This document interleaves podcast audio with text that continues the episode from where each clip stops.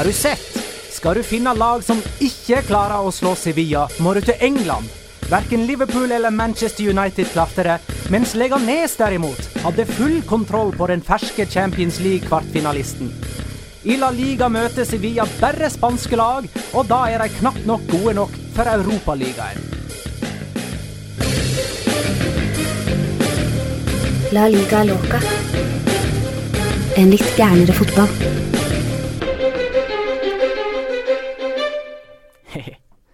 Det var faktisk et lite stikk til engelske pundits, det jeg eh, leverte der. For i denne ukas La Liga Loca har jeg, Magnar Kvalvik, litt lyst til at vi skal snakke om retorikken i engelsk presse om spansk fotball, og retorikken i spansk presse om engelsk fotball. Det vil jeg gjøre med deg, Jonas Giæver. Hei. Hallo. Og deg, Petter Wæland. Hei. Hallo. Eh, I tillegg så skal vi selvsagt ikke glemme at det har vært en Champions League-trekning. Eh, der eh, forbløffende nok alle tre spanske lag klarte å unngå hverandre, og dermed så blir det tre kvartfinaler med spanske lag involvert. Woohoo!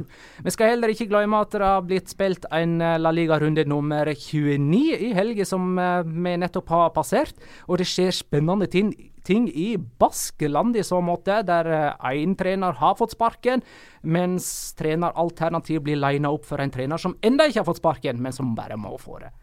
Og så skal ikke vi glemme heller at uh, vi går inn i ei landslagsveke. Det har blitt tatt ut en uh, landslagstropp for Spania, som møter ingen ringere enn Tyskland og Argentina. Allerede nå skal vi få, svaret på hvem som vinner VM 2018. Det skal dere, gutter. Det går fint. Ja, det går uh... Det er sånn, Jeg prøvde på smalltalk, og da bare stoppa det helt opp. Svaret Dette mitt er kan at det har gått fint. ja, det, går, eh, det går bra. Jeg er på ny diett. Uh... Nei, har du hørt? Ja, jeg bytta, bytta over. Nå Har skal du jeg ditcha lavkarbo og gått til havregryn? Ja, det, jeg har uh, Ifølge deg så er jeg i hvert fall jeg, jeg fikk lavkarbo når jeg spiser havregryn én gang om dagen. Men ellers er det mye fisk og, og tørr kylling. Men, har, men uh, har du gjort det jeg tipsa deg om at du skulle gjøre i går, når vi snakka sammen? Uh, hvis det, er det Involverer det en marokkansk fotballspiller og en spansk dommer? Ja. Det, der tok du feil. Det er ikke de to som håndhilser. Det er fjerdedommer og uh, marokkansk fotballspiller. Nei. Jo. Nei. Jo. Nei. Jo. Nei. Jo. Nei. Jo. Nei. Jo, Jo. for evig og alltid. Jeg bare valgte Jeg tok en sånn 50-50. Jeg valgte jo. Takk. Det to mot én. Nei, jeg er riktig. Men det eh, OK, siden vi er i kranglehumør og har uløste gåter gående, uh, veit du i hvilken film uh, charted-begrepet først uh, oppstod? Vet du hva, jeg tok faktisk feil. Jeg har Du eh, tok feil! Ja. Men jeg vet Men det er Han, To feil allerede, han, Jonas. Han operasangeren Nei, har én feil og én riktig. Han operasangeren sier 'shat myself', sier Ja, han. i Mr. Deeds. Ja. I. Mens i Along Came Polly Ja. sier Philip Seymour Hoffman I just charted til Ben Stille. Ja, helt riktig. Jeg tok faktisk og så filmen eh, Jeg hadde ikke lyst til å si det, jeg hadde ikke lyst til å si det riktig, men du, Oi, du, du, du sjekker opp? Jeg gjorde det. Ja. Uh, jeg gir en takk til Paul, Vincent Surke, Mm. eller Paul Vincent Sirk. Jeg er litt usikker på hvordan navnet hans uttaler det, men han uh, ga meg altså rett. Ja, du hadde rett der. Helt helt riktig. Mm. Ja, nei, men retorikk, da. I uh, spansk og engelsk presse om eh, spansk og engelsk eh, fotball. Dette er de to største seriene i uh, verden, skal vi si det sånn. La Liga Ja. og Premier League. Det kan vi si. Og det virker som spansk media og engelsk media, journalister og eksperter slenger litt sånn dritt mot hverandres serier av med ulike motiv, ser det ut til for meg. Det som på en måte starta det nye, eller starta debatten igjen på nytt, det var Ray Wilkins. Eh, rett før Sevilla eh, skulle møte Manchester United i eh, Champions League eh, åttedelsfinale, der han hevda at Sevilla hadde vært et bunn seks-lag i Premier League. Mm. Sårer dette følelsene dine, Petter? Nei, vi passerte passert det stadiet for lenge siden. Nå er det kun sånn eh, En god latter forlenger livet, er ikke det du sier? Og så blir jeg litt sånn forbløffa. For nå, nå snakker jeg jo på mange Eller på på sett og vis det om en Kall det kollega. Eh, altså Man sier jo gjerne det at eh, når det er en høyreback som takler en høyreback, så er det sånn, ah, så han hjelper back-kollegaen sin opp eh, på, eh, på beina igjen. Han er fotballekspert i, i England. Det blir jeg titulert som òg, uten at jeg ikke nødvendigvis er enig i det begrepet. Jeg er først og fremst fotballkommentator og kan litt om spansk. Men Altså, dette her får han altså betalt for å mene noe om. Eh, dette er åpenbart meningene hans. Eh, så kan Passer på som vi ikke møter oss sjøl i døra og sånt nå, kanskje. jo, jo men, og, eh, jo, men der skal folk få lov til å slenge Ja døra i trynet på meg. Altså Bokstavelig talt finne ei dør og slenge den i trynet på meg hvis jeg har sagt noe som er så riv ruskende gærent, og uten substans og uten noe form for research som at eh, Sevilla hadde vært bunn seks i Premier League. Det faller jo på sin egen urimelighet. Ja, jeg er helt enig i det. Jeg har ikke noe Altså, det, det skal ikke forsvare Ray Wilkins på en sånn måte. Det er jo Det, ene, det eneste her er jo Altså, blir han bedt om å si dumme ting av arbeidsgiver for at de skal få PR? Det er det eneste jeg tenker er liksom en plausibel forklaring på at dette sitatet finner sted. ja, Jeg er ikke interessert i å spekulere i hva andre mediehus og hva andre medier i andre land ønsker å gjøre, men jeg synes jo Jeg er helt enig med at det faller på sin egen urimelighet, men jeg tror det hele bunner ut i at de to, de to nasjonene og de to ligaene har et litt sånn mindreverdighetskompleks overfor hverandre. Uh, de to mest suksessfulle lagene i, i vår historie Altså det er, Hvis vi regner fra 90 og til nå, så vil jeg vel tro at det er Barcelona og Real Madrid, de to største lagene i Spania. Så har du selvfølgelig Manchester United, som har, som har vunnet en Champions League inni der. Eh, Liverpool har vunnet én, Chelsea har vunnet én. Eh, Ellers så er det vel ingen andre engelske lag som har vunnet noe mellom der. Arrester meg hvis jeg tar feil her nå. Arsenal har tapt en finale.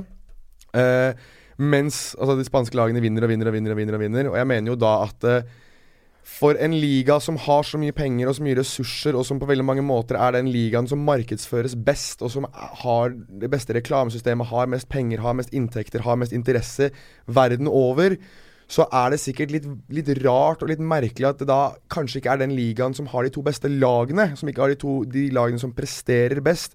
Jeg sitter med en, med en oppsummering her nå, eh, eller en oversikt over eh, semifinalister bare på nasjon i, i Champions League eh, de siste, skal vi se, fra 99-2000. Og vi, hvis vi regner da fra, fra 2006 til 2007 altså det, er sist, det er sist gang det ikke var en eneste, et eneste spansk lag med i semifinalene. Altså fra 2008 fram til eh, det mest sannsynlig 2000 og 2017-2018 er jo tro at ett av de lagene går til semifinale. Så har det alltid vært et spansk lag med. Sist sesong, 2016-2017, da var det ikke noe engelsk lag i semifinalen. Men uh, mm, det er fakta. Uh, og så var det jo I forrige tiår så var jo Premier League dominerende i, i Champions League. Da. Da, Mhm. da hadde de vel sånn tre år på rad med tre engelske klubber i semifinaler. Men hvor, ofte, men hvor ofte vant de? Ja, ja, men det var en dominerende liga. en. Jo, sånn sett, så. Eh, men uansett, da. Jeg husker da jeg og du, Petter, hadde sånn 24-timerssending på Mhm. uh, via Det må vi gjøre igjen snart. Det må vi snart gjøre igjen. Og da snakka vi med eh, Sid Lowe. Dette var jo rett etter at eh, Sevilla vel hadde sleget Liverpool i Europaligafinalen. Uh, og rett før det så hadde Graham Sunes uttalt seg og sagt at Liverpool kom til å vinne den finalen komf komfortabelt. For i Spania så har en bare tre gode lag, resten er gjennomsnittlige. Der faller jo Sevilla innunder.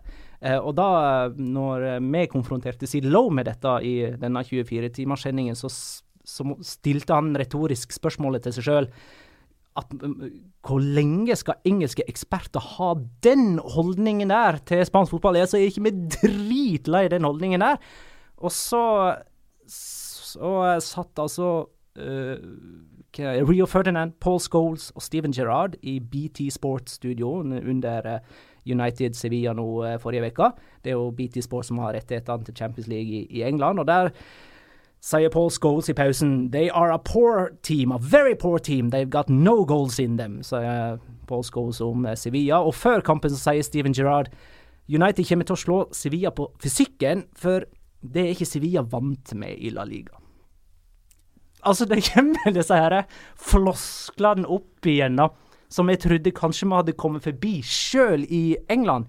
Det er denne nye generasjonen av pundits som kommer opp etter Sam Allardyce og Tony Poolis og den gjengen, har litt nytt syn på det. Men nei. Jeg tror en, en, De høres ikke en dag yngre ut enn Sam Allardyce når de sitter og snakker sånn. Men en ting som går litt igjen, da, og nå, nå taler jeg jo litt vår sak, da, som sitter her. Og det, dette er ikke Jeg vil bare ha det klart at det er ikke, det er ikke noe skudd mot noen, eller noen som driver med fotball, verken her, her til lands eller andre steder. Dette er tidligere fotballspillere som får betalt for at de heter Steven Gerrard, Rio Ferdinand, Paul Scholes. Jo, men de har jo peiling! De skal jo ha peiling! Ja, men Også de trenger, ikke, de trenger ikke å ha det, vet du. Det, det er bevist gang etter gang etter gang at det, det er ikke alltid tidligere fotballspillere og tidligere fotballtrenere trenger å ha så mye peil når de skal snakke om noe i et studio, Ja, fordi de heter det de heter. Det er jo derfor de har fått jobben. I veldig mange tilfeller, ja.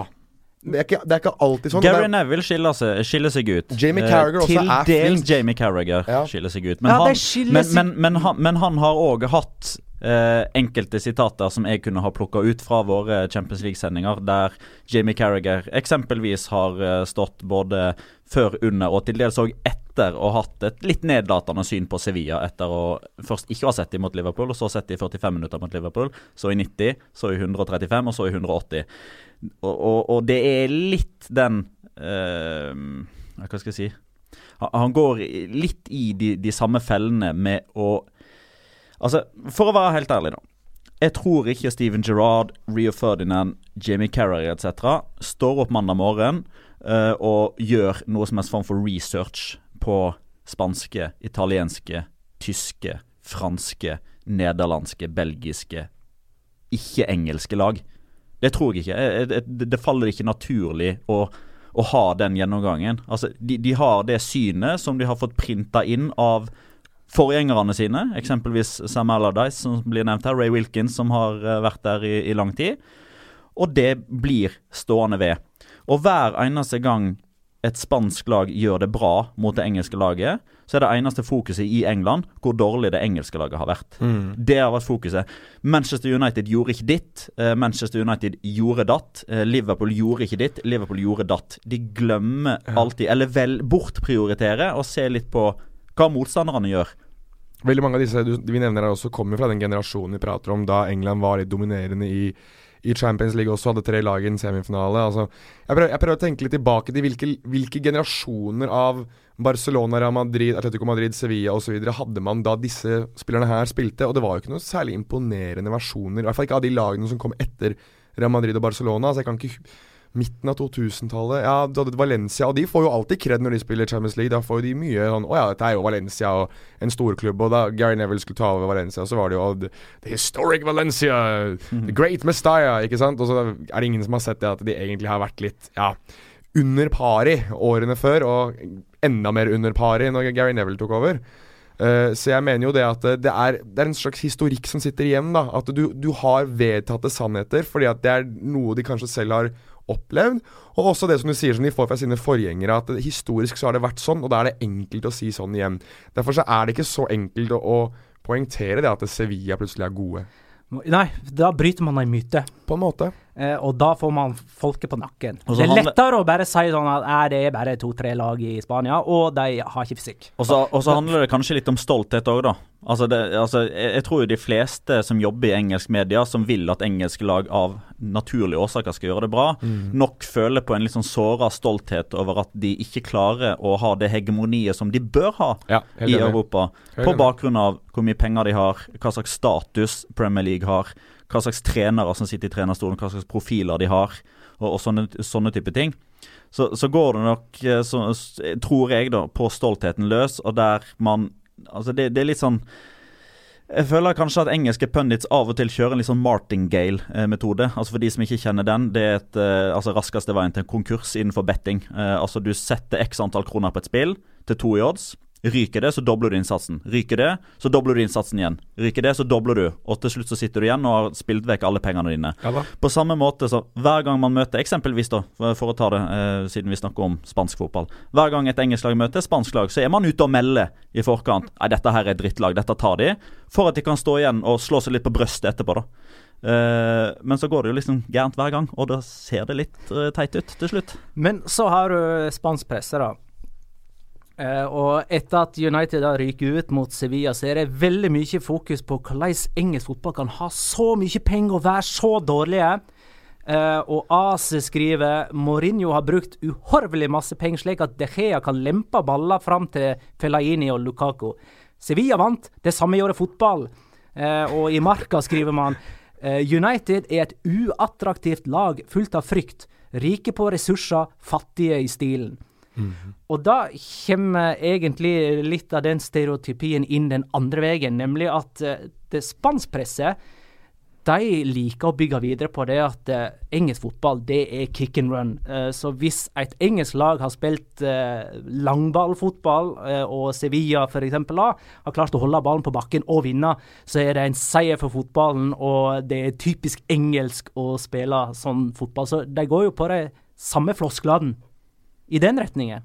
Ja, det går to veier, synes jeg. Og ehm, jeg synes det var veldig Hva skal jeg si for noe? Det var typisk at de, de bestemte seg for å gjøre det når det var Mourinho som tapte. Altså Mourinho har en veldig er jo kanskje den mest polariserende figuren noensinne i spansk fotball. Mhm. De liker å ta Ehm, han. De liker veldig godt å ta han. Jeg, jeg er litt usikker på om de hadde gjort det samme hvis det var Pep Guardiola. Eh, De hadde ikke gjort det. Nei, for det er også en av deres egne, og eh, det er eh, Men, men da hadde de vel heller ikke hatt muligheten til å Nei, jeg sier hvis, hvis, det. hvis det hadde vært Pep Guardiola men som litt av- gjorde dette her Litt av Ja. poenget mitt da er f.eks. at hvis Chetafe Getafe spiller på kamp nå og parkerer bussen, ligger dypt mot Barcelona, og hver gang de får ballen, lemper han opp mot en spiss som skal prøve å gjøre jobben der framme, og så til slutt så taper de 1-0. Da skriver ikke spansk presse at dette var en seier for fotballen for at Barcelona spilte ballen av bakken mens Getafe lempa ballen. Det er, når, det er når det er et utenlandsk lag som gjør dette mot et spansk lag, da er det en seier eh, for fotballen hvis lempelaget Ja. ikke vinner. Og veldig ofte et engelsk lag, for at det, er det, det er det landet For de liker å stemple engelsk fotball, gjør ikke ja, det? Jo, de gjør jo det, men det, men det handler jo også om, om det at de, engelsk fotball har de største ressursene, og på mange måter Altså Hvis vi skal se på, på det jeg snakket om i stad, altså inntekter eh, og så videre, og publikum og sånn, så, og interesse på verdensbasis, så er nok Premier League den største ligaen i verden. Eller det er den største ligaen i verden. Du kan fjerne nok. Hæ? Du kan fjerne nok. Ja, jeg, jeg sa det. De er det. Det er, den største ligaen, det er den største ligaen i verden, hvis du skal se på de tingene her. Og da tror jeg, det, jeg tror jeg også spansk presse ser på det som en seier for, for fotballen deres, for det de står for. Når en av deres lag, og ikke engang en av de to- to-tre største lagene, slår ut kanskje det, det laget som Sammen med Liverpool historisk er det største laget i England. Det er en seier for spansk fotball, og når de gjør det på en måte som blir og jeg sier det i hermetegn, blir sett på som fin fotball, så er det også enda mer en seier for det de sikkert ønsker. da Å se mer spansk dominanse, se flere spanske lag gjøre det bra i Europa. Slik at det er Spania som helhet vinner, eh, også i klubbfotballen. De vinner på landslagsfotballen, eller har gjort det i mange mange år. Og nå er de tilbake inn i klubbfotballen også med Ja, nå er de tre lag, og så kan de fort eh, neste sesong kan det fort være fire lag som går langt. Så jeg mener det at det er Spansk fotball eh, er, er eh, på mange måter det som dominerer de europeiske cupene. Har gjort det i mange Petter har eh, statistikken på det. Det var vel først Manchester United av alle som brøt det spanske hegemoniet i, uh, i cupene med, med å være vinnere. Hvor mange år var det det gikk? Var det Bayern München som sist? Bayern München uh, slo jo Borussia Dortmund i finalen i 2012-2013. Ja. Etter det så Altså i både 2013-2014, 2014-2015 og 20, eh, 15-2016. 2015-2016 så var det spanske vinnere i både Champions League og Europa League. Og så vant jo Real Madrid Champions League 2016-2017, mens Manchester United da vant Europa League. Ja, så Det er jo en form for stolthet i det, da. Så når de da igjen det Kanskje, kanskje når det ene laget som vant den ene cupen de ikke vant, eller spanjol, spansk laget ikke vant, de blir slått av Sevilla, som ikke engang ligger på Champions League-plass. Så Nei, jeg tror, jeg tror bare Tror jeg tror, Jeg tror det er mindreverdighetskompleks begge Ja. veiene. Det tror Og jeg. myter begge veier. Ja, Ja. og at spanjolene er veldig stolte over at det var et lag utafor denne her topp tre-kategorien som uh, slo ut uh, Ja. United her. Ja. Og de liker å De er misunnelige på uh, Premier League-pengene. Ja. eh, når de kan liksom gå på pengene til Manchester United eh, og liksom se vekk ifra mye Mm. penger Barcelona har la ut uh, i løpet av det siste halvåret. Uh, Real Madrid har gjort uh, i hele sin eksistens. Og så liksom gå i strupen på et engelsk lag som, for å bruke masse penger. Det òg feller på sin egen urimelighet, gjør ikke det det? Jo da. Jeg, Jo, det gjør jo i utgangspunktet det, men, men akkurat, akkurat i det tilfellet her, så har de jo på mange måter et håper jeg, valid argument for å ta akkurat den inngangen.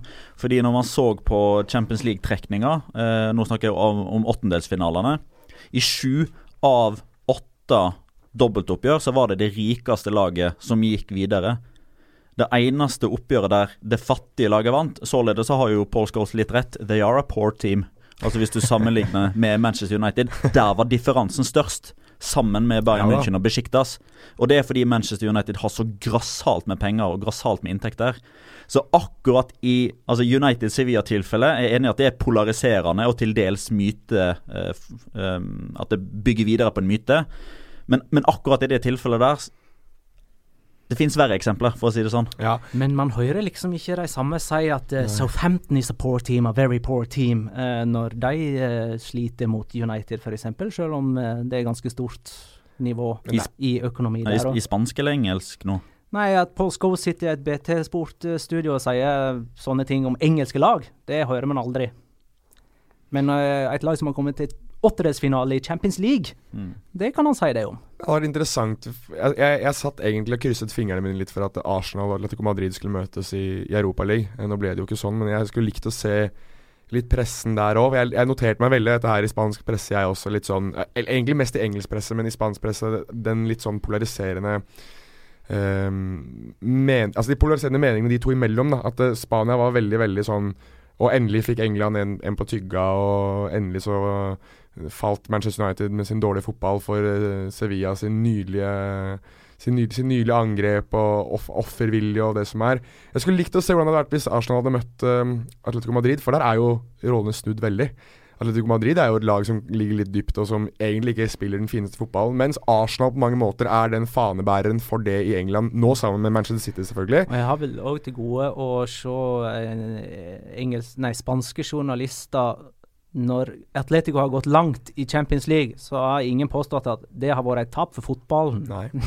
Men det er heller flott fordi at det er en av de, en av de andre lagene enn Real Madrid og Barcelona som går langt. Um, Leo spør, i lys av at eh, fem Premier League-klubber gikk til åttedelsfinale i Champions League, og bare to står igjen i, i kvartfinalen, og tre spanske er med, hvilken liga er best? La Liga eller Premier League? Petter Marton svarer på spørsmålet. Premier League, dumt spørsmål!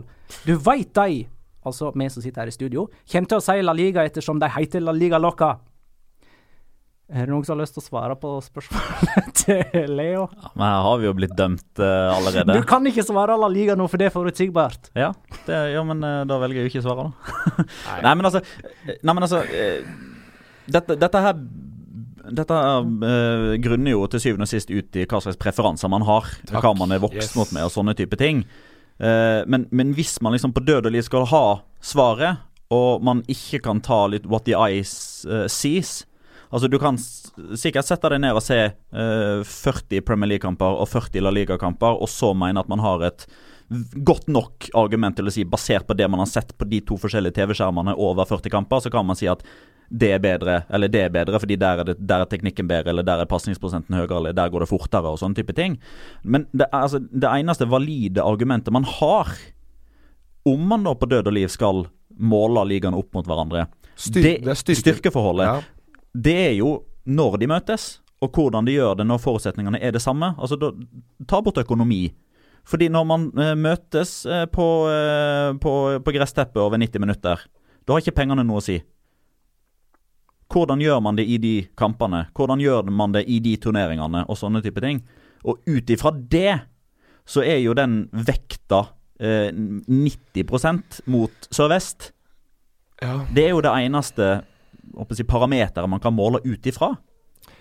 Jo, jeg, jeg ser det, men jeg tror nok spørsmålet er hvilken liga Hvilket ligaspill er det man syns er best? Altså hvilke, hvilken liga er det som er Altså, jeg synes det Men da må, spørsmålet men da må vi tilbake prøver å si at Det er umulig å måle, for Ja, at du kan være bare enig. måle det gjennom Mitt- Europaligaen. mitt Og da, og da er vi tilbake til Ja. et definisjonsspørsmål. Hva Ja. er best? Ja, det er helt Altså, Og der, der er jeg med deg. er, altså, er det er den ligaen som er jevnest, er den best? Uh, den ligaen som har de to beste lagene, er det best? Uh, er det den, den beste ligaen, er det det som har det beste bunnlaget? Eh, altså, hva slags Ja. kriterier har vi å forholde oss til? Ja, jeg blir jeg, jeg, Kan det, jeg, jeg, kan jeg gi mitt svar på spørsmålet? Selvfølgelig. Ja. Jeg veit ikke. Kan jeg gi mitt også? Så Ja. har jeg gjort det veldig fort. Jeg, jeg synes um, Når man spør hvilken liga er best, så, så pleier jeg alltid nå å svare Det blir litt sånn som Lionel Messi og Cristiano Ronaldo-debatten for meg. Jeg gidder ikke å ta den lenger. Uh, jeg tenker at uh, det er mer Den ligaen som er best, er den ligaen du liker best. Den du synes er mest morsom å se på. Den ligaen som underholder deg mest. Den ligaen du kan se fem, seks, syv kamper på rad eh, i. Det er, den, det er den ligaen som er best for deg. Jeg synes at det, det å måtte definere det og sitte og heie på Hvis jeg skulle heie på Manchester United da, og synes engelsk fotball er best, og sitte og heie på Manchester City fordi de møter Barcelona, det faller meg helt unaturlig. Jeg klarer ikke å heie på ligaer sånn som enkelte mennesker gjør. De som gjør det, vær så snill, skriv til oss. Gi meg en logikk på hvorfor dere gjør det. Hva, hva er poenget med det? Den ligaen som er best, er den ligaen du syns er mest interessant. Altså, jeg har jo et eh, Jeg regner med at folk har inntrykk av at jeg er en typ La Liga-fan. En forfekter. En forfekter. Uh, det er både riktig og det er feil. Altså, det er riktig i den forstand at jeg tjener på jobbmessig at spanske lag gjør det bra. For da får jeg jobbe med spanske lag i Champions League. Jeg får fremma det jeg syns er den kuleste ligaen. ikke du være med i Det studio gagner hvis det ikke er engelske, nei, spanske lag med? Hvis det ikke hadde vært et eneste spansk lag med i kvartfinalen nå, hadde du vært arbeidsledig eh, neste Champions League-seniorene? Da har jeg såpass sjølinnsikt at jeg sier uh, greit eh, her og nå at med mindre man skal ha folk som sitter og ser utelukkende på, på, på spillet, som kan lage analyser og sånn underveis, men når det gjelder kunnskap, kjennskap og kjennelagene dynamikkene, så har du to mann i et uh, Viasat-studio som kan mer enn det, om, om det enn meg. Det er jeg helt ærlig på. Og derfor syns jeg, altså for mine personlige preferanser, jo bedre de spanske lagene gjør det, jo bedre blir det for meg jobbmessig. Så Petter var ikke i FA Cup-studio på søndag. Det var, det var en annen her som var. Det var Eh, Jonas. Eh, vi, uh, setter punktum. Ja, gjør det. Sevilla møter Bayern München. Barcelona møter Roma. Real Madrid møter Juventus. Ja, skal vi si litt om det, eller? Ja, jeg synes, Igjen, altså, jeg synes det er helt forbløffende at de klarer å unngå hverandre. Ja, det er veldig forbløffende. Uh, men jeg synes, jeg synes det Hvis vi skal regne det fra uh, Hvis vi skal være litt spansk presse her nå og se hvilket lag eh, Og sitte, sitte og håpe om, eh, om de spanske lagene går videre, så er det vel håpefullt for to av tre. Jeg tror ikke Sevilla slår ut Bayern München også. Ehm, det ville vært relativt sensasjonelt. Ehm, jeg tror Real Madrid i Champions League Altså De er helt uh, Jekyll og Hyde i La Liga, men i Champions League så er, er de fort Europas beste lag nesten hver gang de spiller. Er det her Real Madrid skal vise at de tross alt er bedre enn Tottenham? Skal liksom slå ut Tottenham-dødene Juventus? Jeg tror de gjør det. Uh, sånn som styrkeforholdet er per 19. mars klokken 19.38, så, så sier jeg at Real Madrid går videre der, og så sier jeg at jeg tror det er ganske åpenbart at Barcelona skal slå ut Roma også. Jeg måtte bare svelle litt uh, uh, sprudlevann. Magnus Stavne spør hva er styrkeforholdet mellom Barcelona og Real Madrid i Champions League, gitt skadefri tropp? Godt spørsmål. Um, mye jevnere uh, Altså Mye jevnere enn hva uh, 12-13 poeng i eh, serien. Ja, men altså, det, altså der har jo pendelen svingt kraftig fram og tilbake. Altså på, på slutten av forrige sesong, gjennom sommeren og ved sesongstart, eh, så mente jo de aller, aller fleste at Real Madrid er ganske mye bedre. eh, eller hadde bedre forutsetninger for å vinne ting og komme høyere på tabellen osv. Så, videre. så kom El Clásico i desember. Da var pendelen snudd, for da var Barcelona serieleder, suveren sådan. Eh, de hadde fått ting til å stemme. Da sleit Real Madrid. Nå er pendelen litt sånn tilbake på midtpunktet. Eh, for det er klart at Barcelona er 15 poeng foran Real Madrid. Det har de gjort seg fortjent til over 29 kamper over sju måneder. Men når man ser på hvordan lagene har prestert eh, de siste altså, to, to månedene, da, så har jeg vanskelig for å si hva for et lag som framstår som best. Altså typ Hvis det hadde vært El Clásico i morgen, da, eller en Champions League-finale mellom Real Madrid og Barcelona i morgen på en nøytral bane, så hadde jeg hatt store problemer med å utnevne eh, et lag som favoritt over det andre. Jeg syns det er veldig vanskelig å skille de to lagene akkurat nå. Men sånn Jeg bare føler at internt Real Madrid møtes- liksom i Champions League Det er et eller annet med det, altså. Okay. Mm. Så 51-49 Real Madrid, da. Ja. Uh, men er Manchester City å vurdere hakket over igjen, eller er det på 49-51 sånn ish? De òg målt opp mot Real Madrid og Barcelona. 34-33-33, da, i så fall, hvis det er tre Jo, jo, men ligninger. hvis man tar Manchester City mot Real Madrid og Manchester City mot uh, Barcelona, er, man, er Altså- pendelen omtrent der den òg? Ja. ja. Eh, altså Jeg sa før sesongstart at jeg trodde Manchester City kom til å vinne Champions League. Eh, det sa jeg forrige sesong òg, da tok jeg feil. Eh, men det er pga. at de har Pep, og jeg tror eh, Pep og City sammen er en fantastisk eh, duo. Det har de vist seg å være. Eh, jeg syns Manchester City har vist det aller høyeste toppnivået denne sesongen. Så jeg står på det at City er sånn per nå favoritter mot alle lag i verden. Inkludert Real Madrid og Barcelona. Jeg kan ikke si, si, noe på det, jeg. Jeg hadde jo Paris Saint-Germain som favoritt. Altså. Så har vi dette Champions League-fenomenet som vi har snakka en del om uh, gjennom hele turneringa, egentlig. Dette her med, med, det med å være vant til å gå langt uh, i Champions League og ha den vinnerkulturen, vinnermentaliteten. Tottenham røyk mot Juventus, uh, spillemessig ufortjent, men Kielini står jo og sier det sjøl, han òg. Uh, we know that uh, Tottenham will make Nei, mistakes. Ikke disse aksenten. Han er kjempeflink i engelsk. Jo, men det var Ja, ja. Sorry, da. Det var veldig dårlig aksent i så fall. OK, uh, slett det. La det være. Men uh, Producer Kim, du lar det være, altså. Jeg skal men, ha det der med i episoden. Men Kieline står jo etterpå og sier at de visste at Tottenham kom til å gjøre feil. Fordi Tottenham gjør feil. Mens Juventus uh, på det stadiet ikke gjør det. Uh, og Det var jo forklaringa alle brukte på at Juventus gikk videre, mens Tottenham røyk ut. Og på samme myter. måte som Real Madrid Nei, men Det er jo ikke en myte, det er jo en sannhet. Nei, jeg, jeg vet, jeg bare syns det er gøy, for det er jo, det er jo en sånn opplest sannhet, det òg. Er, den er kanskje mer ikke bare Men det er jo ikke en myte. Nei, det viser jo Juventus gang på gang. Tottenham viser det gang på gang. Må, Real Madrid mot PSG.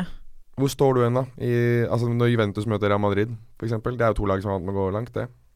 Sist gang de møttes ja, uh, over to oppgjør, så var da det iallfall Juventus. Juventus videre. Uh, Juventus hadde et veldig godt tak på Real Jo, men her snakker jeg i turnering, ikke innbyrdes oppgjør. Her snakker jeg turnering. Ja, men jeg snakker i turnering, jeg òg. Ja, men der har jo både Juventus og Real Madrid kjempegod erfaring, så der er det liksom even Steven. Det er derfor jeg sier hvem holder du mellom de Altså hvem holder du som favoritt av de to, med tanke på det du sier nå? 60-40 Real Madrid. Okay. Men det jeg sier nå, har jo ikke noe relevans til det.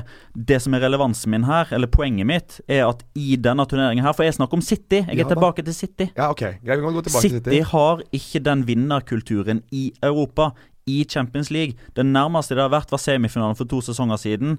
Da skapte de knapt en mulighet over to oppgjør mot Real Madrid, som på det tidspunktet ikke var så gode som de var eh, på samme tidspunkt forrige sesong, og som de er akkurat nå. Real Madrid anno 2015-2016, sluttsesongen der, syns ikke de var noe spesielt gode. Og, og møte Men gå videre mot Manchester City, fordi Manchester City har ennå ikke klart å få den vinnerkulturen inn, på samme måte som Tottenham, på samme måte som PSG, som ryker i Europa mot lag som de i utgangspunktet da, i hvert fall tidvis, var bedre enn spillemessig, i bedre form før oppgjørene, og kvalitativmessig i spillerstall ca. det samme. Ok. Da går vi på det som skjedde denne helga, nemlig La Liga-runde nummer 29. Eh, 29. Uh, Jan André Miraz Hagen, husker dere han? Ja. Fant de noen gang ut om han er i familie med, med Jason? Nei, han er ikke det, men han heter Miraz. Okay. Uh, spørre er La Liga nesten fri for spenning? Tittelen avgjort, topp fire avgjort, nedrykk avgjort. Eneste som er nå, er om Barcelona går hele sesongen uten tap, og om Real Madrid tar igjen Atletico. Og da er det jo greit uh, Europaligaen. Ja. Mm, og da er det jo greit å begynne med Barcelona Atletic 2-0. Eh, 29 seriekamper fra sesongstart nå uten tap for eh, Barcelona. Eh, og 32 er den magiske grensa. Som Real Sociedad satte? Som Real Sociedad satte i 79-80. Ja. Eh, og der eh, svarer vi vel egentlig sist gang. De klarer det der, gjør ikke det? Det gjør de. Ja, det er den siste mot Valencia.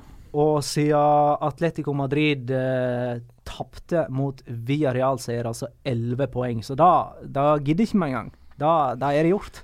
Da er det nå i liga. Nå i liga. Nå er det, det, er, det campeon! Ja, det er det. det. Ja, men der er det egentlig bare å, å gratulere. Og, og de, som, de, som, sa at serien var avgjort i, i, i, desember, fikk jo da Altså De kan jo slå seg på brystet og si at de, de hadde riktig. Du sa jo at dette kom ikke Atletico Madrid til å ta. Jeg varsla litt for at med Vitol og med Diego Costa ja, så kunne de nærme seg. Uh, men uh, det viste det seg at du, du, fikk riktig, men vi fikk liksom den ja, lille spenninga inn i det oppgjøret med Camp Nou. Hadde Atletico Madrid vunnet, så hadde det bare vært fem poeng. Uh, eller da var det fem poeng. Men, men, Barcelona kommer til å, å ta dette her. De har, de har, rett og slett ikke nok bananskall igjen å tråkke på. Samtidig så må jo Atletico Madrid vinne resten for at det skal liksom være snakk om eh, type kollaps for Barcelona sin del. Altså Det er 27 poeng igjen å spille om. Hvis Atletico Madrid vinner alle de, så har de 91. Da eh, trenger Barcelona 16 poeng, dvs. Si fem seire og én uavgjort på de siste ni. Det skal gå veldig fint. Svei Atletico vel mye krutt eh, bort mot Lokomotiv Moskva? Nei, det syns jeg ikke. Det, har vært Filipe Louis skada og eh, ute for evig, og hva de vant 5-1. Ute for evig. Stakkars Filip. Jo, nei, men det var jo spørsmål om, min- eh, om. VM kunne ryke, men eh, det er vel kanskje ikke så ille. Nei, det, det ble vel Men- til sånn at de, de, de trenger ikke en sånn Hva heter det for en sånn ambulansesignering, holdt jeg på å si. De, de Nei, de får ikke det. Nei, fordi det var ikke For det er ikke alvorlig nok. Nei, nettopp. Det var ti uker, var det? Han skulle være ute. Ja, to måneder. Så Ja. eh, Det var vel AS eh, som sa at uh, han var tilbake en dag før Europa League-finalen. Så de er klare for den allerede, da, ifølge AS. Ja, den er grei. Da gratulerer vi dem med finalespill og tydeligvis eh, en Filippe Louis som ikke er skada for evig. Men de så tamme ut uh, på slutten. Der syns jeg Atletico da hadde ingenting å svare med. Da uh, kampen Villarreal gikk opp i 2-1. Er det rett og slett, uh, altså for de som ikke så det, uh, Atletico leda 1-0 eh, ved Antoine Griezmann på straffe. Litt eh, spesielt at ikke Jaume Costa ble utvist etter å ha maia ned Griezmann uh, alene med keeper. Eller var det filming? Det var ingen, Helt det, var ingen av, det var ingen av delene. Det var ikke filming, det var i hvert fall ikke rødt kort, men uh, Overspilling? Nei, altså, han, eh, nei, altså det går an til å gå ned uten at man har noe baktanke med det, men jeg syns ikke det var nok til at det skulle vært straffe. Nei, det, det er greit. Og så eh, mens uh, Areal setter innpå uh, Onal og, og får uh, to skåringer og, og blir løfta av sånne bytter, så gjør Simione bare bytte som egentlig daffer ned hele greia for Atletico sin del. Men det har han jo gjort med hell så mange ganger tidligere at jeg, jeg kan liksom ikke sitte Jeg klarer ikke å få meg til å sitte her til å være sånn veldig kritisk mot Simione uten at jeg føler at jeg er altfor etterpåklok. Mm. For Det der er han normalt sett eksperter på. Dette er Atletico Madrid eksperter på. Jeg synes det uh, Ja, folk vet at jeg er Viareal-supporter, så bare kom og si at jeg er biased. Men jeg syns dette her er Viareal sin fortjeneste, mer enn Atletico Madrid uh, skusler det bort. For dette gjør Atletico Madrid stort sett hele tida, men motstanderen klarer ikke å utnytte det. Det klarte Viareal nå. Kan jeg komme med en annen morsom observasjon? Eh, Jeg har funnet ut hvem, eh, hvem Enes Onal ligner på. Jeg, jeg, jeg som sitter og tenker over sånt. Husker dere Dado Persjo, som skårte fire mål for Monaco mot Deportivo la Coronia i 2004? Nei. Ja, jeg husker han hadde hestehale. Ja, de ligner altså sånn i spillestil òg, synes jeg. Uh, jeg, husker alle, jeg husker den kampen veldig godt. De vant 8-3 mot Deportivo la Coronia. Og uh, ligner veldig. Så for dere som har lyst til å søke opp noe moro på mandagskvelden, tirsdagskvelden, når enn når enn du hører på dette her, søk opp Dado Persjo 8-3. Petter sitter og nikker uh, samtykkende til at de er like. Men for å følge opp uh, dette poenget til Mraz, da. Spenningsmoment. Kan Real Madrid ta igjen uh, Atletico? Bare sånn at det er sagt, Real Madrid er 15 poeng bak Barcelona, hvis jeg sa noe annet i stad. Eh, men bare fire poeng bak Atletico Madrid, og de slo altså Girona 6-3. Herlig resultat. Cristiano Ronaldo skåra fire. Det gjorde han. Uh, Han gjorde det. han gjorde det.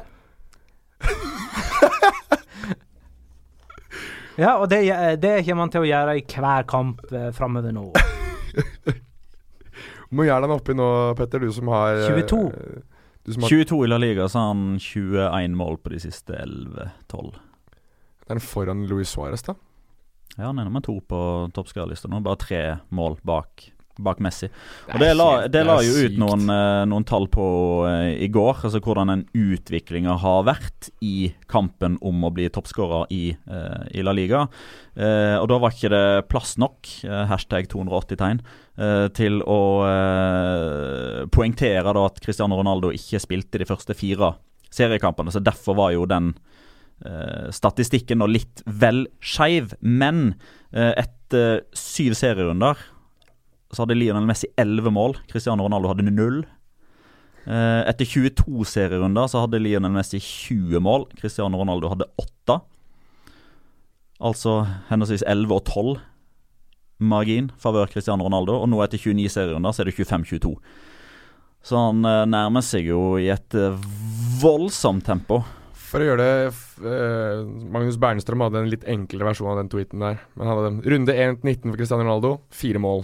Runde 20-29, 18 mål. Mm. Setter de sammen, så får de 22, selvfølgelig. Men altså, det er helt latterlig. Altså, de satt her, du og jeg, Magnar. I hvert fall fall, jeg da, som har eh, sagt eh, på riksdekkende fjernsyn også, ble satt i karantene av Jan Åge Fjørtoft Rune Bratseth for å mene at Cristiano Ronaldo var over the top. Det, eh, kanskje den karantenen hadde noe for seg. Han er over the top, vet du, for han pleide egentlig å skåre 50 mål i løpet av en sesong. Han. ja, sant. Men strengt tatt, han, han nådde over 20. Det trodde ikke du han kom til å gjøre. Nei, dette slo ned som ei bombe på meg eh, søndag kveld. Herregud, Cristiano Ronaldo har skåra over 20 mål. Så jeg aldri komme. Hadde jeg aldri trodd.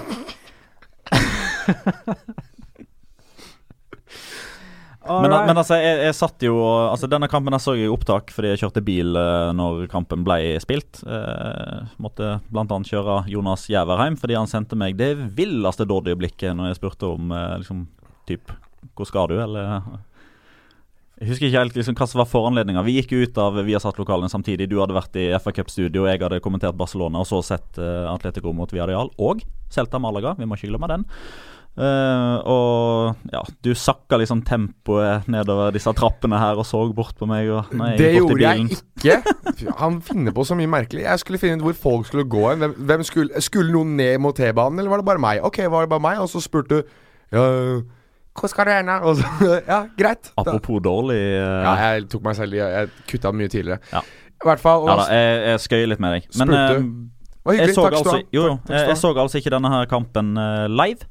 Eh, men eh, derimot så hadde jeg et eh, ganske tungt bet inne på at Cristiano Ronaldo skulle skåre to eller flere mål. Ja, jeg Så jeg fulgte spesifikt med på uh, han. Uh, altså Det var liksom hovedfokuset mitt. Uh, så så jeg liksom kampen i sin helhet i opptak seinere. Og det som slår meg nå, som er den liksom store forskjellen på Cristiano Ronaldo nå kontra i høst, det er tre ting. Det er jeg, å si, måten han avslutter på. Altså Avslutningene altså, de er så vanvittig mye bedre nå enn før. Altså Han skjøt hull i lufta, det var hull i racketen. Ballen gikk opp på tribunen, han brant enorme sjanser. eh, fra, da, ja. fra august til ja, begynnelsen av januar. Nå går nesten alt på eller i mål, Mm. eventuelt rett utenfor. Det er, det, er, det, er, det er måten han utstråler selvsikkerhet på nå. Ja. Altså han, han, han henger ikke med huet. Han kjefter ikke på lagkamerater. Han, han ser selvsikker ut. Altså Selvtilliten hans er langt bedre. Og tre posisjoneringer i feltet. Mm. Altså Der er han best i verden. Der er det ingen som tar han på å posisjonere seg, på å vite hvor ballen kan havne. Det er en grunn til at han skårer mange tap-ins. Har han veldig mange av de samme egenskapene som Ruud van Nistelrooy hadde. Med at han analyserer hvor kan en retur fra keeper komme, hvor stiller forsvaret seg, hvor kan den ballen havne til slutt. Der er det ingen som tar han. Og det er grunnen til at han skårer såpass mange, kall det i hermetegn, enkle mål. Og Hvis vi skal si det sånn at det er en kamp mellom Real Madrid og Atletico om å bli nummer to i La Liga, så møtes de altså på Santiago Bernabeu midt imellom eh, Champions League-møtet til Real Madrid mot eh, Juventus. Og dermed kommer Valencia seilende opp. Og dermed så kommer det en tredje klubb opp der og blander seg inn. Men det, men det er jo litt synd, da, at den I og med at vi eh, nå har litt mindre spenning i La Liga enn hva vi pleier å, å ha. Altså Det er avgjort eh, mer eller mindre om, om seriegull. Det skal veldig mye til for at Las Palmas og eller Deportivo plutselig begynner å ta poeng nok til at eh, Levante igjen må begynne å se seg over, over skuldra, selv om det selvfølgelig er mer sannsynlig. Eh, men det hadde jo vært litt sånn spennende da eh, om den fjerdeplassen nå ikke hadde gitt direkte innpass i Champions League. Mm. Eh, for da hadde det liksom vært en kamp mellom Atletico, Real Madrid og Valencia om å unngå den fjerdeplassen. Eh, men eh, vi, vi tar det vi får. Det, Europa League, det er gøy, det. Men ja, kampen om Europaligaen, da. Uh, der har vi allerede etablert at Girona tapte. De ligger på sjuendeplass med sine 43 poeng.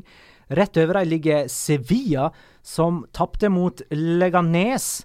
Eh, og når Ray Wilkins sier at Sevilla hadde vært et bottom seks-lag i Premier League, og Paul Scholes sier at eh, they are a poor, poor team, så har de kanskje et poeng. Altså De har tapt tolv kamper denne sesongen. Det er kun fem lag i La Liga som har tapt flere kamper enn Sevilla denne sesongen. Én av de er laget som de møtte nå, Leganes. Eh, apropos poor team, eh, både i eh, typ rik og fattig og, og i utgangspunktet dårlig lag innenfor våre målestokker. De har tapt 13. Real Sociedad har tapt 14. De har nettopp eh, gitt eh, Eusebio fyken. Og så er det de tre båndlagene. Og så har du Sevilla, da, som har tolv tap. Ikke så mange uavgjort på, på de år, da. Nei, kun tre. De spiller færrest uavgjort sammen med Alaves. Da vet du det at hvis du skal se et morsomt fotballag, så, eller lag som i hvert fall Du, får en vinner eller en taper, som amerikanere er glad i. Så det Sevilla er vel amerikanernes favoritt i, eh, i La Liga om dagen. Og så er de jo i en uh, intens kamp med byrival Real Betis her, om europaligaplass. Uh, Real Betis ja. slo Español 3-0. Med bare ett tap på siste fem seriekampene, så har Real Betis plutselig kommet inn i den kampen der i, igjen, og eh, Jeg bare nevner er det. mer i flytsona i seriesammenheng. Jeg bare nevner det. Nest siste serierunde, så er det Sevilla Davi. Den kan bli moro. Det blir alltid moro i de derbyene der. Men da står det jo eh, potensielt og ikke bare om skryterett det neste halve året. Da står det, kan det faktisk være en direkte kamp om hvilket lag som skal få slite seg ut i juli og august før serien starter med å kvalle seg gjennom tre kvalifiseringsrunder for å være i Europaligaen. Med mindre Sevilla vinner Copa del Rey-finalen. Jeg lovte litt uh, preik om Baskeland, jeg. Ja, vi, har vi runda av Europaliga-snakket? Nja Getafe er med der, men uh, de møtte Real Sociedad. Nei, men jeg bare, jeg bare tenker, for det får eh, ofte spørsmål på Twitter med uh, hvor mange lag er det som skal inn i den og den turneringa. Ja, ta det. Uh, altså Topp fire har gått til Champions League. I år så er det nummer fem og nummer seks som går inn i uh, Europa League. Og vinneren av Copa del Rey. Men i og med at det er Ah, ja. Barcelona og Sevilla som møtes i Copa del Rey-finalen Altså Barcelona skal jo spille Champions League, så der går den Copa-plassen til La Liga, dersom Barcelona vinner eh, den cupfinalen. Og hvis Sevilla vinner cupfinalen så, og en eh, topp seks, som jo fortsatt er sannsynlig, selv om de da ligger på sjetteplass og kun har to poeng ned til åttendeplassen, så, så vil eh, det etter alle solemerker da for typ sjette eller syvende sesongen på rad eh, bli uh, Europaliga-kvalik på syvendeplassen i La Liga. Som akkurat nå er Girona. Girona. Ja, på bedre målforskjell enn Real Betis, uh, men den teller jo bare inntil de Har de møttes to ganger, de? Girona Nei, og Real Betis? Kun én gang. De Mhm. møttes på Benito Villamarin i november. Da endte det 2-2. Så akkurat nå så er det, ser det ut som at det er Sevilla, Girona og Real Betis som eh, kjemper om uh, Og Villarreal de er jo på ingen måte sikra. Nei, de er ikke sikra, de heller. De ligger på femteplass. Men uh, det skjer ting i Baskeland. Mm. Real Sociedad klarte jaggu å tape hjemme mot Getafe. Eh, vi er alle klar over at Real Sociedad sliter denne sesongen, men sjøl dette så jeg ikke komme. Jan André Marais Hagen spør har Eusebio fremdeles ikke fått sparken. Svaret er jo, det har han. Det har han. Eusebio Sakristan fikk sparken. Det samme gjorde sportsdirektør Loren. Og hvorfor var greia det at Lorraine egentlig satt mindre trygt enn Eusebio, og var den første som røk? Det tror jeg har sitt utspring i at eh, når eh, Altså, Real Sociedad-fansen, eh, ikke alle, men, men, men, men de som roper, og de som vifter med hvite lommetørklær og ytrer seg negativt i sosiale medier og sånn, de har egentlig ropt i to-tre måneder allerede om at Eusebio måtte gå. Eh, men i går så ropte de på Låren i stedet. Fordi Låren har på mange måter vært den som har beskytta Eusebio, sånn som jeg har forstått det. Fordi eh, i Spania så er det jo sånn at det er sportsdirektøren som, eh, som eh, mer eller mindre da alltid får jobben med å ansette hovedtrener, fordi de skal jobbe såpass tett sammen. Sportsdirektøren i Spania er, er særs viktig. Kanskje den viktigste personen i klubben. Um, og da eh, virker det som at de rett og slett bare gikk lei av Europa på treneravgangen til Eusebio, for det skjedde jo tilsynelatende aldri, så da gikk de på Låren i stedet. Eh, samtidig så ble det jo rapportert fra utsida av disse møtene her. altså Det ble kalt inn til ekstraordinært styremøte litt utpå ettermiddagen i går. Og da samles jo selvfølgelig eh, journalister, lokale og, og riksmedier som har eh, kontorer i, i Baskaland, samles jo da utenfor for å rapportere. Og fra den gjengen der så ble det lekka at det var typ større sannsynlighet at det var Loren som måtte gå enn Eusebio. Da, og, tro, og da tror jeg rett og slett at man Da da oppsummerte man med at det ene utelukka det andre. Altså Det var én av de som måtte gå. Jeg tror ikke man tok med i beregningene at hei, kanskje begge faktisk må gå. For jeg kan ikke huske Nå har jeg ikke gjort noe research på dette her, men from the top of my head jeg kan ikke huske at både trener og sportsdirektør har måttet gå samtidig. Nei, jeg kan ikke huske det heller. Men jeg eh, tror det lå litt i kortene at uh, Eusebio kunne gå hvis Loren måtte gå, fordi Eusebio Ja, ja, men altså, Hvis Lorraine måtte gå, så var, jo, så, må, så var det jo ingen der igjen til å beskytte Eusebio. Nei, nettopp. Mm. Og det, er det det som feller Lorén, var det det du sa nå? Loren. At, eh, at han har vært liksom Eusebios store beskytter, så for å eh, bli kvitta seg med Eusebio, så må de kvitte seg med Lorén. Det er en mekanisme som jeg ser på som ganske sannsynlig, ja. Det er jo en litt spesiell uh, greie. Eh, jeg tror ikke jeg har sett den varianten før. Men uh, vi har jo en god venn som følger Real Sociedad tett, og som tvitrer mye om dem. Jossu Mm. Galdos Hei. Fransen. Hei. Han påpeker at Roberto Olabe er nå ny sportslig leder, og hvis han kommer tilbake, så er det ingen tvil om at det var noe med Loreno eller Eusebio som gjorde at han reiste sist. For han er nå tilbake igjen. Så der må det ha vært noe kluss, de grupperingene derimellom, uh, allerede for ei tid tilbake.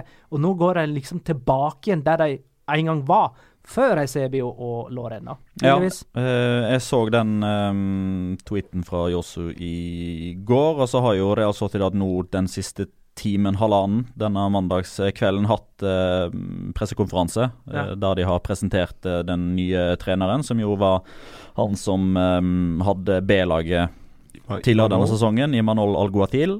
Eh, som får Mikel Labaka, den tidligere Real Sociedad-spilleren, eh, han òg, som, som andre trener. Og Da ble han spurt om eh, Roberto Olabe.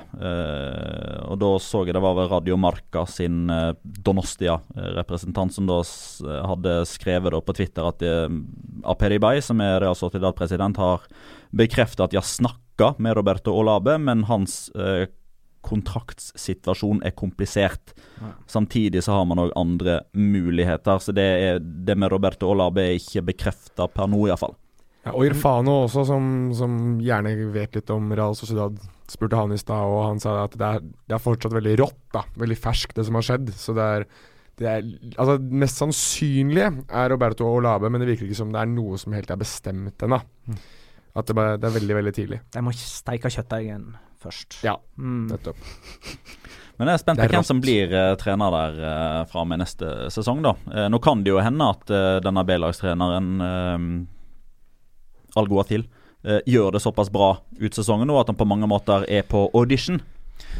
Eh, men, eh, men grunnen til at det er han som får, tre, får trenerjobben nå, er jo at eh, de må først få på plass sportsdirektør.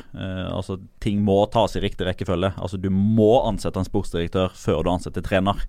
Eh, det blir liksom at du må spise, og så pusser du tenner før du går hjemmefra. Det er liksom den helt åpenbare måten å gjøre det på. Eh, og det å da hente inn en sportsdirektør eh, er ikke noe som haster. Det er ikke noe som liksom må skje før neste kamp, fordi det fortsatt er et stykke igjen til overgangsvinduet åpner, og der vil man liksom få god tid, selv om man tar seg god tid med å hente en sportsdirektør. Um, men det er klart at de, de, har jo hatt eh, litt sånn forskjellige trenere nå. Martin Lasarte, Philippe Montagnier, David Moyes, Eusebio Sakristan. Det er ikke en rød tråd her, for å si det sånn. Så jeg er spent på hva de trekker opp av hatten eh, Eduardo, neste sesong. Eduardo Berizzo. Kunne vært spennende. Jeg tipper jeg, ik- Bare ren og skjær gjetting. Det hadde vært moro. Ja, jeg tror det hadde vært kjempegøy. Og jeg, Ja. jeg syns det passer også med de spillerne de har, den modellen eh, til klubben. Da. Uh, altså, nå vet jeg ikke hvordan den blir med en ny sportsdirektør, åpenbart, da, men altså, jeg synes bare det, det det gitt så mening hvis det ble Eduardo Berizzo. Atletic er et annet Baskerland-lag. uh, de tapte jo mot uh, Barcelona på kamp nå. Eh, Sjanseløse, selv om det bare var 2-0. Det var sånn type eh, Barcelona drap kampen før pause og chilla i andre omgang. M med eh, den tidligere Atletic-treneren ved roret nå, eh, Valverde. Da. Eh, Atletic røk mot Marseille i Europaligaen med 2-5 sammenlagt. Og mm, det blir liksom lista opp navnene. Hvem skal ta over etter Siganda? Eh, Abrahamsen spør oss er det noe i at Thomas Tuchel er aktuell? Det melder nemlig AS. Nei, det tviler jeg veldig på. Det Der er det jo Altså, det, det snakker det, jeg tok den først og fremst for det høres så moro ut. Ja, ja, Men absolutt. Men jeg får være litt sånn uh, partykiller her, jeg, da. Uh, Det er ett navn som nevnes istedenfor. Fordi uh, på, på fredag så var det Champions League-trekning, og da, da var jeg i studio sammen med Jan Åge Fjørtoft. Eh, han får høre en god del om det som skjer i, i tysk fotball, og han mener at det er, liksom, det er en, kun en godkjenning fra Ole Hønes unna at eh, han blir neste Bayern-trener. Mm. Så det er klart at når, når Thomas Tuchel da får valget mellom Atletic og Bayern Jeg tror det er svaret sier seg fish to sjøl. fry? Bigger fish to fry. Mm. Ja. Jupp Heynckes eh, ga vel ok til Thomas Tuchel, hvis ikke jeg leste helt feil. Nåværende Bayern-trener. Men det er vel Asier Garitano, altså treneren til Leganes, som har i hvert fall en fortid som ungdomsspiller, vel, i, i atletikk, som uh, nevnes veldig hyppig med den jobben. Han og Mendy Libar. Mendy Libar i, er Eibar. Ja, det, og, Er de baskere begge to, eller i alle fall uh, Begge er baskere. Så da Det er jo helt i tråd. Da, da får de liksom baskisk benk òg. Ja. Det liker de. det var sist de hadde det, egentlig, sånn foruten hvis ikke Siganda er det. Valverde? Valverde. Ja, han er jo basker. Jøss, jeg tenkte Marcelo Bielsa, og liksom, det var noe før der igjen. Blir spennende å se. Vi er vel alle enige om Nei, at han er ikke basker, han. Valverde. Nei, han er ikke basker. Ja, Men dette kan vi jo sjekke. Han er født i Extremadora. Ja, det Men han har vært uh, Basker. Atletic-spiller, så han går jo inn under Han er jo en adoptiv basker, da. Så Valverde, gjør med at han har spilt uh, 200 kamper for klubben, så Ja, Der har han i hvert fall spilt, og da regner han som basker. Ja, han uh, var født i Extremadora, men flytta til Baskerland når han var småbarn. Ja, Der er han basker.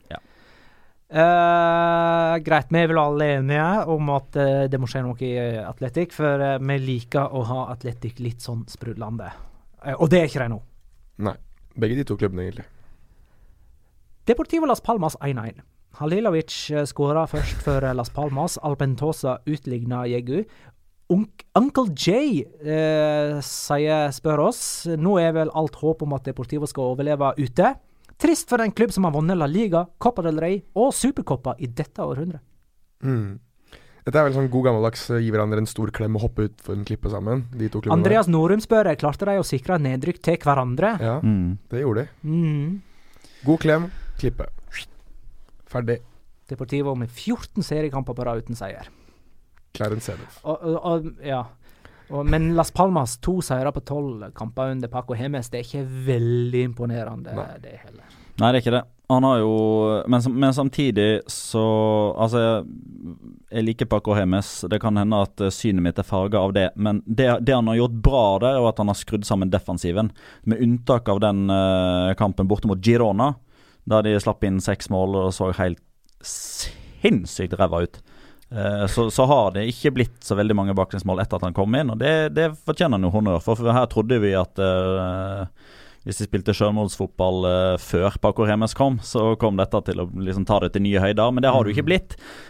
Men offensivt så har det jo blitt ramma av at Kina kom og ga Jonathan Viera en klem og dro han ut for det sportslige stupet. Og Las Palmas-effekten eh, ja, altså de, de har jo ikke målskårere igjen, bortsett fra Jonathan Kaleri. Eh, og han jobber med ryggen mot eh, motstanderens mål, eh, 60 meter unna. Så det Nei. Og så vet man jo at i neste serierunde så møter Las Palmas og Deportivo henholdsvis Real Madrid og Atletico Madrid. Så du skal ikke se bort ifra at eh, de blir dytta enda nærmere dette berømte stupet nå i neste serierunde om, eh, om to uker. Skulle hatt Loic Remi, si. Ja, men det er helt riktig. I neste runde så møter Hvor mange mål har han nå, forresten? Neste, Hvor mange mål har han skåra for Retafe? I neste runde så møter hvem, Magne? Levante møter Girona borte. Levante vant uh, 2-1 over Eibar nå. Uh, og det betyr at de har to seire etter at de tilsetter Paco Lopez. Uh, de har 27 poeng, ligger rett over streken. Eh, jeg, kom til, jeg måtte bare sjekke dette tiåret her, det som jeg er inne i, så har ingen lag overlevd med mindre enn 35 poeng. Og alle som berga seg med 35 poeng, hadde flere poeng på tilsvarende tidspunkt enn det Levante har nå. Det er de som ligger altså rett over streken. Så Ja. akkurat nå så ligger det an til å bli rekordlav poengsum der nede. Ja, det er ikke bare i dette millenniet òg, men det er liksom i alle Ja, det kan sikkert strekkes lenger tilbake. I alle sesonger der det har vært eh, 20 lag i La Liga. For han eh, Pedrito Números har holdt Ja, statistikk på dette her at uh, både 17., 18. og 19.-plassen, uh, i hvert fall fram til Las Palmas begynte å ta litt poeng, liksom på, uh, etter både, typ, både 13, 15 og 20 serierunder, så har liksom den poengsummen vært lavest gjennom tidene. Eh, dessverre alle Valencia-fans, men denne gangen så får ikke Valencia noe større dekning i uh, La Liga Loca enn uh, en mention. De slo Alaves 3-1 hjemme. Rodrigo Moreno skåra. Oh, ble tatt ut til landslagstroppen, som vi skal snakke litt mer om etterpå. Sasa skåra. Uh, La Guardia skåra sjølmål for Alaves, og Sobrino sto for reduseringsmålet. Celta Vigo og Malaga 0-0 nok sagt om den. Ukens La Liga Locura. Locura. Locura. Locura. La Liga Locura. Ja Jeg kan like Begynn godt du nå da, sånn at Jeg du kan ikke- begynne her, da. Eh, nei, men altså eh, Jeg uh, tapte mitt eget veddemål om Cristiano Ronaldo. Han eh, kom over 20 mål denne, gang, denne sesongen òg, get. Eh, og han er på en måte Sjølve La Liga Locaen uh, Cristiano Ronaldo. For det er faktisk mer oppsiktsvekkende at han skårer fire mål i løpet av en høstsesong, enn at han skårer fire mål i løpet av en kamp. Eh, for det er faktisk det vi er vant til, at han skårer fire mål i én kamp og ikke går med måltørke som han gjorde i høst. Og nå har han pokker i meg skåra 50 hat trick i sin eh, karriere. Det er minst 150 mål fordelt over 50 kamper. Altså, Det er så absurd bra at jeg klarer ikke å sette noe sterkere ord på det. Applaus, eh, Cristiano Ronaldo. Fantastisk karriere. I en alder av 33 holder han koken. Det er ett hat trick eh, for Manchester United. 49 eh, for, Det er vel tre Det er vel noe inkludert Portugal. Portugal. Ja, det er vel tre av de som er fra Portugal, tror jeg. Og da de resterende, hva blir det, 46 for Real Madrid. Mm. Sinnssykt bra. Han er helt absurd. Helt absurd. Vil du Så er det jo faktisk enda mer enn 150 mål i løpet av de 50 kampene. For det, Ja, det er jo noen ganger han har skåra fire av fem. Ja. Og, ja. mm. ja, jeg, jeg- kan ta det. Betis Español. Det trenger vel ikke å si mer enn det, egentlig. Ja, men Det er ikke sikkert alle som hører på, så denne kampen. Nei, det Dette var kveldskampen i, i Sevilla. Eh, Sevilla, Andalusia, Spania. Vi forbinder det med sol, skyfri himmel, 20 grader. Eh, men eh, litt annerledes spilleforhold eh, denne lørdagskvelden her. Det regner katter og hunder, som det har gjort veldig ofte i Spania generelt denne høsten og, eh, og vinteren, og nå òg på våren. Det er sjelden jeg har liksom bitt meg merke i at det er bortimot flom regn i så mange La Liga-kamper som, som det har vært nå. Uh, og Jeg vet ikke om det har en direkte konsekvens, men jeg mistenker jo at uh, værgudene hadde uh, på mange måter forklaringene til at man i løpet av de første 43 minuttene av denne kampen her uh, fikk se følgende. Antonio Adan, som eh, løper febrilsk og forsøker å fange en paraply. Som kom flygende ut på, eh, på banen. Uh, Loren, eh, Real Betis sitt eh, nye stjerneskudd. Ladekanonen er klar til å skyte. Bang! Der går flomlyset.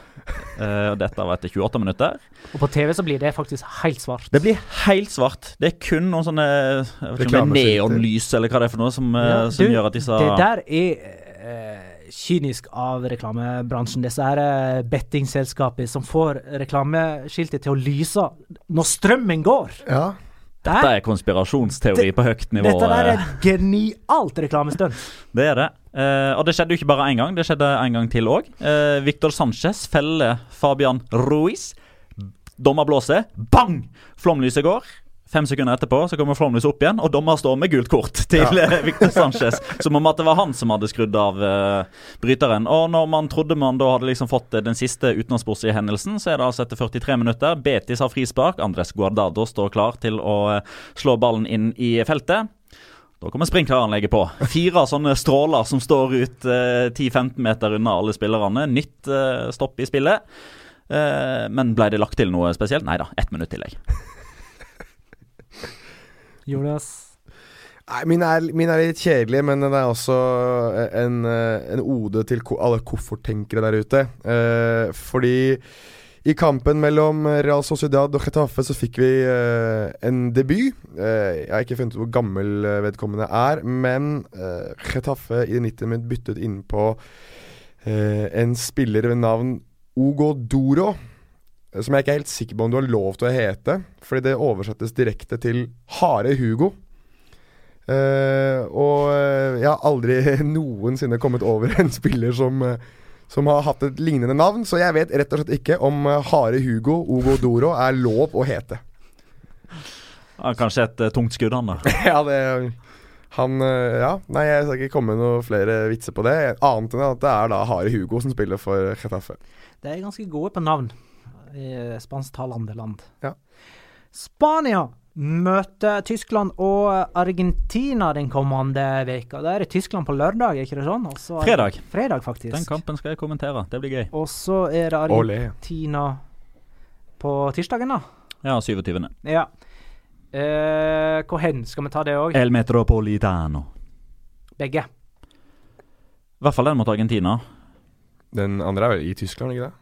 Nei, det tror jeg ikke. Sikker? Ja, jeg Jo, i Düsseldorf. Ja. Korrekt. Mm. Eh, skal vi ta litt om eh, troppen, da? Det er jo eh, folk som lurer på eh, Altså, vi har jo blitt stilt spørsmål om Spania og VM og, og den slags, om vi tør å spå ting. Eh, Martin Hellerud spør jo f.eks.: Hvem blir førstevalg på spissplass under VM? Costa eller Morata? Eh, og nå er det jo bare én av de som er i troppen nå. Ja, Morata kom ikke meget. Nedturen uh, fortsetter, selv om han jo fikk litt sånn plaster på såret med å være eh, veldig delaktig i at Chelsea tok seg til semifinalen i FA-cupen eh, i går. Mhm. Men eh, nei, per nå så er det, det er fire angripere, tre spissalternativer i den troppen som har blitt tatt ut nå. Det er Diego Costa, det er Iago Aspas og det er Rodrigo Moreno. Og så kan Santimina melde seg på, eller? Petter håper i hvert fall det. Petter ser opp i taket. Ja, altså hadde det, hadde det vært en annen mann som var inne i troppen nå enn Rodrigo Moreno, så tror jeg det. Men jeg tror ikke Jeg tror ikke man får et scenario der én Valencia-spiss blir vraka til fordel for en annen. Jeg, jeg tror Rodrigo har fått liksom Valencia sin spissplass nå. Det tror jeg jo egentlig. Men selvfølgelig, hvis, hvis Santimina skårer 15 mål i resten av sesongen, og Rodrigo Moreno bare skårer tre, så kan det hende at ting endrer seg. Men eh, jeg tror dessverre den skaden som Santimina fikk mot uh, Real Betis, var det det? Uh, ødela VM-mulighetene hans, for da hadde han momentumet, da hadde han formen inne, da var han ordentlig i flyten. Jeg tror den skaden ødela sjansene hans. Eh, jeg syns det er litt moro å se på sp eh, navn uh, på spillere som ikke er med i uh, troppen. Uh, der har vi allerede nevnt Morata. I tillegg kan vi nevne Fabregas, Pedro, Mata, Sergi Roberto, Nacho Monreal. Det er for så vidt òg interessant med Soso, Cajon Luis Alberto har vel flest målgivende av alle i serien denne sesongen. Mm. Mark Bartra, Iaramendi. Ektor Beirin. Adores. Hector Bellerin er ikke med. Busquets, men det er pga. skade, da. Men uh, Vitolo. Det er, og ja, vi kan egentlig gå videre, men uh, det er gans Ja, jeg har nevnt han. Uh, men det er ganske interessant uh, hva angår eh, eh, bredde her. Er det sånn Skal vi utelukke Fabregas, eller har han Ja, ja. til å Han har jo ikke spilt landskamper kjempelenge. Eh, eh, Han blir ikke med til VM. Nei, nei, nei. nei. Han og Mata er vel utelukket. Ja. Bare på grunn- de er ikke gode nok. Nei, De er ikke gode tror- nok, og de, de er heller ikke i poolen, Fordi nå er de såpass oppe i årene at det er ikke noe å bygge videre på der. Mm. så- Så er det en kjernetropp allerede der de, der de to ikke er involvert. Altså Du ser jo at det er et par spillere som nesten kommer med uansett hva de gjør for noe. Og det er jo litt sånn noen landslagssjefer har det, at de ønsker å ha visse spillere med hele Så I Norge også så har vi jo har vi også det, at det er visse spillere som kanskje ikke presterer eller gjør det like bra hele tiden, men de er med fordi at de ønsker å skape en kjerne i, i landslaget. Altså en landslagskultur med visse spillere og visse personligheter, og det tror jeg Spania gjør også. Så det er nok en god oppskrift på, på suksess. De som faktisk er der sånn uten Altså, Parejo kom med. Mm. Moro. Ascencio har vært i i bra form i det siste. Fått mye tillit i Real Madrid. Får òg plass her. Rod Eh, Rodri fra Rodri Hernandez er jo på en måte den store overraskelsen. Vi kan ta og vente litt med han, tenker jeg. Eh, men det, det som er litt eh, eh, interessant og kjekt, syns jeg, Marcos Alonso er inne. på tide. Og Ja, det- Sola Lucas Vasques og Kepa. Det er de jeg, eh, på en måte Det er de som er i troppen nå, men da. som ikke nødvendigvis er der Nei, men i som, VM. som har litt eh, Som får muligheten til å vise uh, hva ja, det, de kan det er tre mann i troppen som aldri har spilt landskamp. mhm. Hvem er de? Marcos Alonso, Parejo og Rodrigo Hernandez. Mm. Ja, Rodrigo Hernandez. Litt ubeskrevet blad i denne sammenhengen. Ja, Eh. og definitivt den største overraskelsen. Eh, Men eh, vi har jo vært Vi har snakka så vidt om han tidligere denne sesongen. Først og fremst fordi han i ja, for et par måneder siden ble rapportert mer eller mindre klar for Atletico Madrid. Det er jo en Madrid-gutt, dette her. Flaske opp i Atletico Madrid. Fikk Altså, jeg har lest det mange steder, og jeg har hørt det mange steder, men jeg har aldri klart å verifisere det. Eh, men det som liksom er populært å si om Rodrigo Hernandez, var at han, eh, han fikk ikke fortsette i, Atletico Madrid fordi han var for liten. Eh, og nå er han jo 1,91, Var det jeg så han gjøre. skjøt jo da tilsynelatende fart etter at han, forlod Atletico Madrid. Han fant sine egne veksthormoner, han. Ja, han trengte ikke hjelp, sånn som uh, Messi, hvis det var det du tenkte på. Nei, jeg bare tenkte at han kanskje fant noe på privaten. Og så eh, fant uh, i skapet til far sin, eller Eller så var han bare seint utvikla. Eventuelt så falt han, falt han i en sånn der bolle med styrkedrikk som Obelix gjorde i Asterix og Obelix. Eh, nei, men har hatt en uh, veldig veldig god sesong uh, for uh, Villarreal. Eh, han er jo den som har dratt nytte av at Bruno Soriano ikke har spilt en eneste kamp denne sesongen. på grunn av sentral midtbane, eller? Sentral midtbane. eh, 21 år. 21 år gammel. Eh, kommer etter alt å dømme til å returnere til Atletico Madrid kommende sommer for noe sånt som 25-30 millioner euro. Og jeg syns egentlig han var banens beste i går, mot Atletico Madrid. Eh, han slo knapt en eneste feilpasning. Man så flere ganger at han brøt Han stjal ballen fra Antoine Griezmann flere ganger. Så om det på mange måter var auditionen hans, eh, så tror jeg Diego Simione trykker på gull- gullknappen. Altså Han går rett i finalen. Han skal ikke videre til neste runde, sånn sett. Eh, den auditionen vant han eh, mot Atletico Madrid. Spanske talenter. Men grunnen til at han er med i troppen her, eh, er jo ikke bare det at han på sett og vis har gjort seg fortjent til det, men han kom jo opp som, eh, som eh, Altså, det er jo den store overraskelsen som Lopetegi trakk opp av hatten. Det er fordi Busquets er skada. Mm. Rodrigo Hernandez er det nærmeste man kommer Sergio Busquets, kanskje sammen med Fabian Ruiz eh, i spansk fotball for øyeblikket. Så når Busquets er ute, så trenger de en sånn type inn der. Eh, ikke nødvendigvis eh, sånn at han kommer til å starte mot Tyskland, fordi han er den eneste som kan ligge som anker i 4-3-3. Men eh, hadde Busquets vært eh, skadefri, så hadde ikke Rodrigo vært i troppen. Det er jeg ganske sikker på. I hugga Liverpool-fans spør Eh, siden vi har uh, dissa Steven Gerrard tidlig i uh, denne episoden, så han, han sikkert bare kobler av. Han hører ikke dette her nå, men han spør i alle fall. Hvilken klubb har de mest eh, fremadstormende talentene som er verdt å følge med på i VM? Hvem er det som har de største ambisjonene om å slå igjennom, eller det største potensialet, da? Hvis det kommer med, så vil jeg si at Real Sociedad har de, de, to, de to jeg syns er mest spennende i spansk fotball. I Alvaro Drosola og um, Men Herregud. Mikel Mi- Oyarzabal ja. Men Nei, nei, men det jeg sier, hvis, hvis han kommer med, sier jeg så er jo de to som har de to mest spennende spillerne. Samtidig så er det veldig vanskelig å finne talenter i denne troppen. her da Altså Odrio Ståle er den eneste. Kepa er et talent eh, til keeper å være, men han, Han kommer ikke til å stå et sekund. Jeg tror han kommer med Eh, heller. Jo, det tror jeg. Eh, og så er det Rodri som vi snakker om. Det er det eneste som er 23 eller, eller, eller yngre.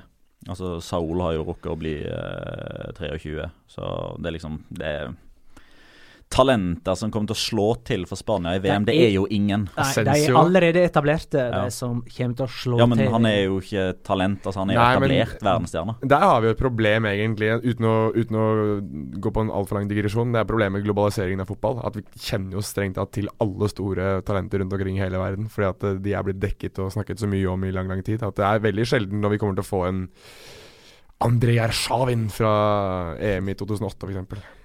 Men det er klart de kan jo få sitt internasjonale gjennombrudd. Jo, Sånn, ja. men, eh, Det det, ja, men det, altså, spillere fra andre nasjoner kan jo fort uh, på en måte komme litt ut av intet og bli uh,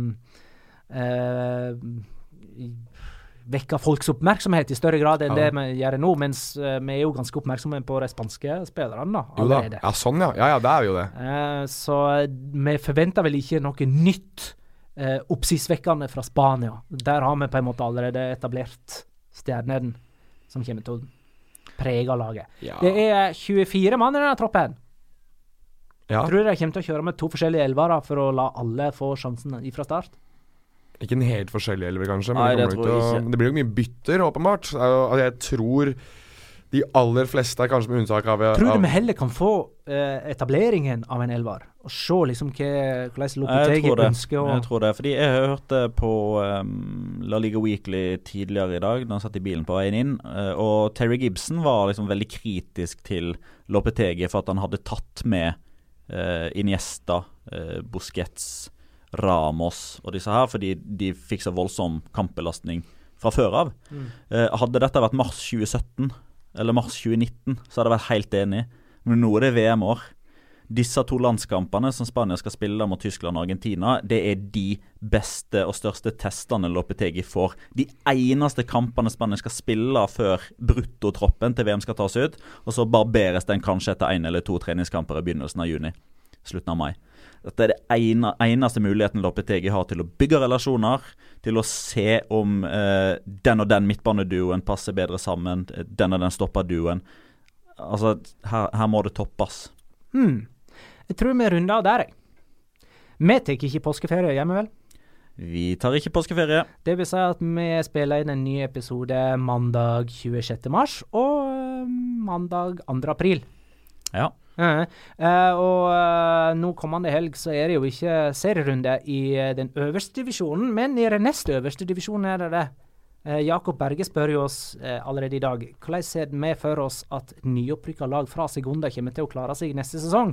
Med tanke på at Eibar, Girona, Leganes, sånne klubber har gjort det ganske bra. Magnus Holteberg vil at vi skal snakke om Real Saragossa, som er i enorm form og på vei opp igjen mot gamle høgder. Kanskje vi skal prøve å oppfylle deres Drøm? drøm på mandag. Ja da, det blir sekundaprat eh, om ei uke. Ja, I tillegg selvsagt at det er midt imellom to lands spanske landskamper, og, og det er mye å prate om i så måte. I, til, Ok. I tillegg, i tillegg, fordi vi kommer til å bli spurt om det. Ja, jeg skal nevne det. Når din Amrabat spilte sine beste 45 minutter uh, i første omgang for uh, Leganes eh, i deres kamp og glemte jeg de mot, mot Sevilla, der var han helt rå. Fantastisk bra i 45 minutter. Rev og slet i det Sevilla-forsvaret som uh, midtspiss. Det er ment han skal spille i lang, lang tid. Det spilte han den kampen her.